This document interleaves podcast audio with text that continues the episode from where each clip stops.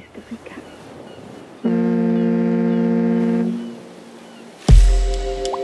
Velkommen til årets første udgave af Fiskerikajen Update. Fiskerikajens nye audioformat, hvor I kan holde jer underrettet om, hvad der rører sig hos vores partnere, ude på havene og hos os på Fiskerikajen. Jeg er jeres vært i dag. Mit navn er Lars. Lad os springe ud i det. Nå venner.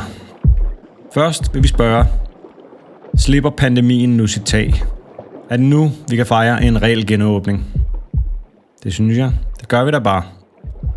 Selvom der er flere, der har haft åben hele vejen igennem omikron, er der også flere, der har været lukket ned, og derfor måske godt kunne bruge lidt inspiration til menuen.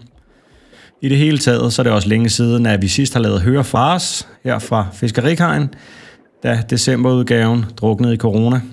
Desværre. Men here goes. Først tager vi lige en snak om torsk. Ja, torsken har været et tema igennem flere af de sidste nyhedsbreve. Men det har mest været på grund af fiskeripolitiske årsager, og selvom det bestemt også har indflydelse på dette års torskesæson, så er hovedtemaet at fejre, at torsken er på toppen af sit game lige nu. Først og fremmest skal vi tale lidt om, hvordan vi i Fiskerikajen køber torsk. Det første parameter for Fiskerikajen er fangstmetoden. Heldigvis kommer de flotteste torsk fra det mest skånsomme fiskeri. I torskesæsonen fisker de fleste efter torsk.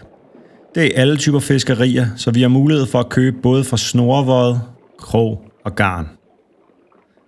Dernæst kigger vi på kvalitet og så på pris.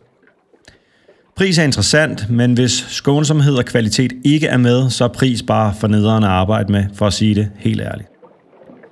Selvom der er stærkt nedsatte torskekvoter på Langeø i år, og de kun må fanges som bifangst, så er der stadig lidt at få. De er stadig lige så flotte og fede, som de plejer at være. Vi hilser dem velkomne og glæder os til, at der i fremtiden igen kommer til at blive fisket torsk fra Langeø i mængder, der giver mening for fiskerne. Det er jo trods alt ikke det skånsomme fiskeri, der er skyld i torskesituationen i vestlige Østersø, så vi regner stærkt med, at vi kommer tilbage stærkere om nogle år. Der fanges fine mængder Vesterhavstorsk i alle de store havne på Jyllands vestkyst, og der fanges også mange med skånsomme grej. Det er toppen af poppen. Kvaliteten er nok den flotteste, der findes. Og her er prisen nogle gange lidt for interessant. Der er kvotenedsættelser her også, men Vesterhavstorsken er slet ikke i den samme tilstand som torsken fra Østersøen. Det er bare verdens flotteste torsk. Sådan er det. Og nu kommer der noget, som jeg bliver nødt til lige at få lidt hjælp til at fikse her. Så giv mig lige et øjeblik, jeg skal lige foretage et opkald. Hej Taylor. Hej, når jeg går. Hej, elsket. Hej. Der var der andet der mennesker, der tog til telefonen der. Hey, jeg ringer lige for at spørge dig, fordi du har jo boet i Norge, ikke også? Ja. Jeg vil høre dig. Der, der er en, en historie her om nogle torsk op fra Norge, som hedder S-K-R-E-I. Hvordan tror du, det udtales? Grej. Skrej. Historien om skrej-torsken er helt speciel. Ja, men det er skide godt. Tak skal du have. Velbekomme. Hej. Ja, det var min hustru, Barbara. Hun hjælper mig med det her, øh, fordi jeg er sgu ikke vant til at snakke norsk, men lad os øh, springe ud i det. Historien om skrejtorsken er helt speciel. Skrejen er en torsk, der lever det meste af sit liv oppe i Barentshavet. Her spiser den og vokser sig stor, men dens skydepladser ligger ved Norges kyster. Især omkring Lofoten er der mange gydepladser. Det betyder, at torsken hvert år rejser op til 2.000 km for at komme til at gyde. Derfor er skrejen også mere langstrakt end den danske torsk. Skrejbestanden, jeg prøver igen, skrejbestanden er god. Det tør vi faktisk godt sige. Men det har faktisk ikke altid været sådan. Hvis ikke nordmændene havde udvist stort mod, havde der nok ikke været skrej den dag i dag. Skrejen var sandsynligvis fuldt udnyttet allerede i 1950, men fiskeriet fortsatte med stor intensitet op gennem 1960'erne. Specielt på grund af et stort fisketryk fra udenlandske trawlere i Barentshavet. Det førte til et rekordfiskeri i 1969, hvor der blev 1,2 million ton torsk fisket op totalt, hvilket er det højeste nogensinde.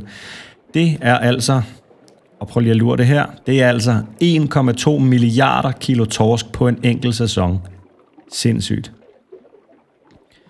I slutningen af 1970'erne blev man klar over, at det statistiske materiale, som blev benyttet for at beregne bestandsudviklingen, var forkert. De store mængder småtorsk og yngel, som trålfiskerne fangede i Barentshavet, var ikke taget med i datagrundlaget.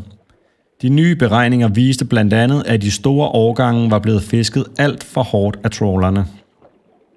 Gydebestanden for skrej var på sit lavmål i vinteren 1979. Dermed var 1975-årgangen ekstremt vigtig for skrejens overlevelse, og derfor var der et særligt stort fokus på, at denne årgang blev fisket særligt forsigtigt. En skipper på en trawler i Nordnorge ringede anonymt til en ansat i Fiskeridirektoratet for at melde om omfattende fiskeri på torsk lige over mindstemål ud for Nordkap-banken. Efter diskussioner i Fiskeridepartementet og Havforskningsinstituttet tog fiskeriministeren med navnet Eivind Bolle en skarp beslutning. Han indførte et totalt fiskestop. Det skabte store internationale udfordringer, fordi der var mange trålere fra andre lande involveret, der også havde lovlige kvoter. Hvis fiskeriet havde gået sin gang, ville 80-90% af den vigtige 1975-årgang være opfisket, og så havde skrejen højst sandsynligt været kollapset. Så havde skrejen altså lidt samme skæbne som torsken på The Great Banks ud for Newfoundland, hvor bestanden nåede at kollapse og stadig ikke er i nærheden af at være i sin tidligere styrke. I 1990 var torskekvoten således sat til 160.000 ton. En drastisk reduktion i forhold til for eksempel den årlige totale kvote i 1978 på 850.000 ton. Efter indførelsen af yderligere reguleringer i fiskeriet i 1990, voksede bestanden gradvist op gennem 90'erne, og i de senere år har kvoten været på 500.000 ton, hvilket er sindssygt mange torsk. Men bestanden kan holde til det, fordi den fiskes skånsomt, og fordi den forvaltes ordentligt. Det kan nordmændene finde ud af. Det er sgu sejt. Fiskeriminister Eivind Bolles fiskestop, det har faktisk krævet seriøse boller at gøre det, er årsagen til, at bestanden stadig er så god, som den er. Så Rasmus Prehn, her er dit forbillede. Gør som Eivind Bolle. Det kommer måske bag på nogen, at skrej, udover at være en fuldstændig fantastisk torsk, også er et varemærke. Det vil sige, at der rent faktisk er nogen deroppe i Norge, der har brugt tid og penge på at markedsføre skrejtorsken. Derfor er den ofte også mærket med en lille plastiklabel. Det er bare ikke et mærke, der afgør, om torsken er skrej eller ej. Det betyder i stedet, at fisken har været bragt ind til et af de kooperativer, som er godkendte til at bruge mærket – den fisk, som vi køber gennem Ålesund og fra andre steder, hvor fisken pakkes i kasser ombord på båden, altså søpakkes, er også skrej. Dem køber vi helst, mest fordi, at vi bedst kan lide at handle direkte med fiskerne frem for mellemhandlere. Meget af det norske torsk, der kommer på de danske auktioner for tiden, er også skrej uden at bære mærket. De kommer fra garn og krogbåde primært. De er vildt flotte og lige så gode som dem, der har et plastiklabel. Så torsken skal på menukortet, og hele fisken skal bruges. Hoved til hale, og rovn og mælk. Vi har det hele på den ene eller anden måde. Varbe har. Nu tager jeg lige et glas vand. Jeg vender tilbage med mere nyt efter det her lille intermezzo. Stay tuned, som de siger.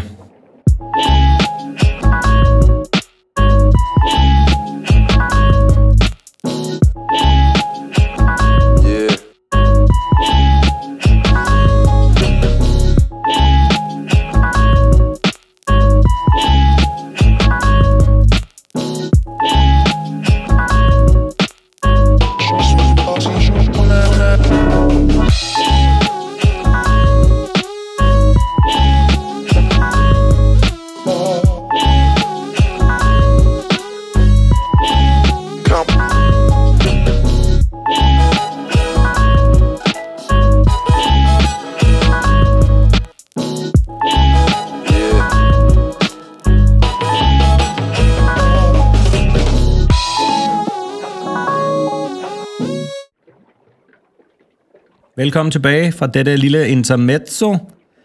Nu er det tid til at tale stenbiderovn, folkens. Lad os komme i gang. Det er vinter, og så tror man, at der skal stenbiderovn på kortet. Men sådan er det altså ikke. Stenbideren er oprindeligt en forårsbebuder. Sæsonen har dog rykket så meget, og det er ikke helt sådan mere. Den nye regel med, Når skiene skal af, så skal stenbiderovnen på kortet. det passer lidt bedre. Så medmindre at man har lommerne fulde af guld, eller har lyst til at blive skuffet, så skal man ikke sætte stenbideroven på kortet før uge 7 eller 8. Nu er det sagt, og så skal det jo nok passe, at den kommer tidligere i år, men lad os nu se. Hvis man er fornuftig, så har man Fiskerikajens app, og så er man sikker på at vide, hvornår den kommer, samtidig med alle de andre, der er hurtige på tasterne. Og så stiller vi over til kulder. Hvis man skal bruge et alternativ til torsk eller en anden ret på kortet, så skal man altså køre kulder. De er piv, piv flotte lige nu, og kommer fra krogfiskeri primært. Virkelig lækker fisk lige nu. Og så skal jeg huske at nævne, at I stadig kan få sandarter. De stribede fædre er kun blevet bedre gennem efteråret, og de kan fanges frem til marts, med mindre at søerne fryser til. Det gjorde de sidste år, men det gjorde de ikke i de foregående år. Og så skal vi over til øh, noget fransk. Vi skal byde velkommen til en af vores gamle østersvenner, Prat Akum. Vi har ikke haft Prat Akum på hylderne siden corona ramte. Det er en skam. Men sidste år efter genåbningen var hæftigt, og da der ikke lige var nogen efterspørgsel, så fik vi ikke sat gang i salget igen. Pyt med det, for nu er den her igen. Østersen lever halvdelen af sin dag i ferskvand og halvdelen i saltvand. Yvonne og Carolines Østersfarm ligger faktisk et pænt stykke op i floden Aberbenois, men da området har noget af det kraftigste tidevand i verden, falder og stiger vandet op til 17 meter på et døgn. Derfor presses der store mængder af saltvand op af floden dagligt.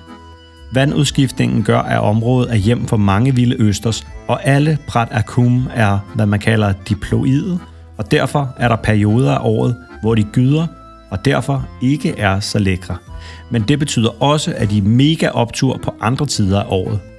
Det er en naturlig østers, og de indsamles lokalt i området på tallerkenlignende plader og opbevares i sække på forskellige steder langs floden. Det er et gudesmukt sted, og man mødes i butikken af far og datter, Yvonne og Caroline, der gladeligt øser ud af deres og områdets fantastiske historie.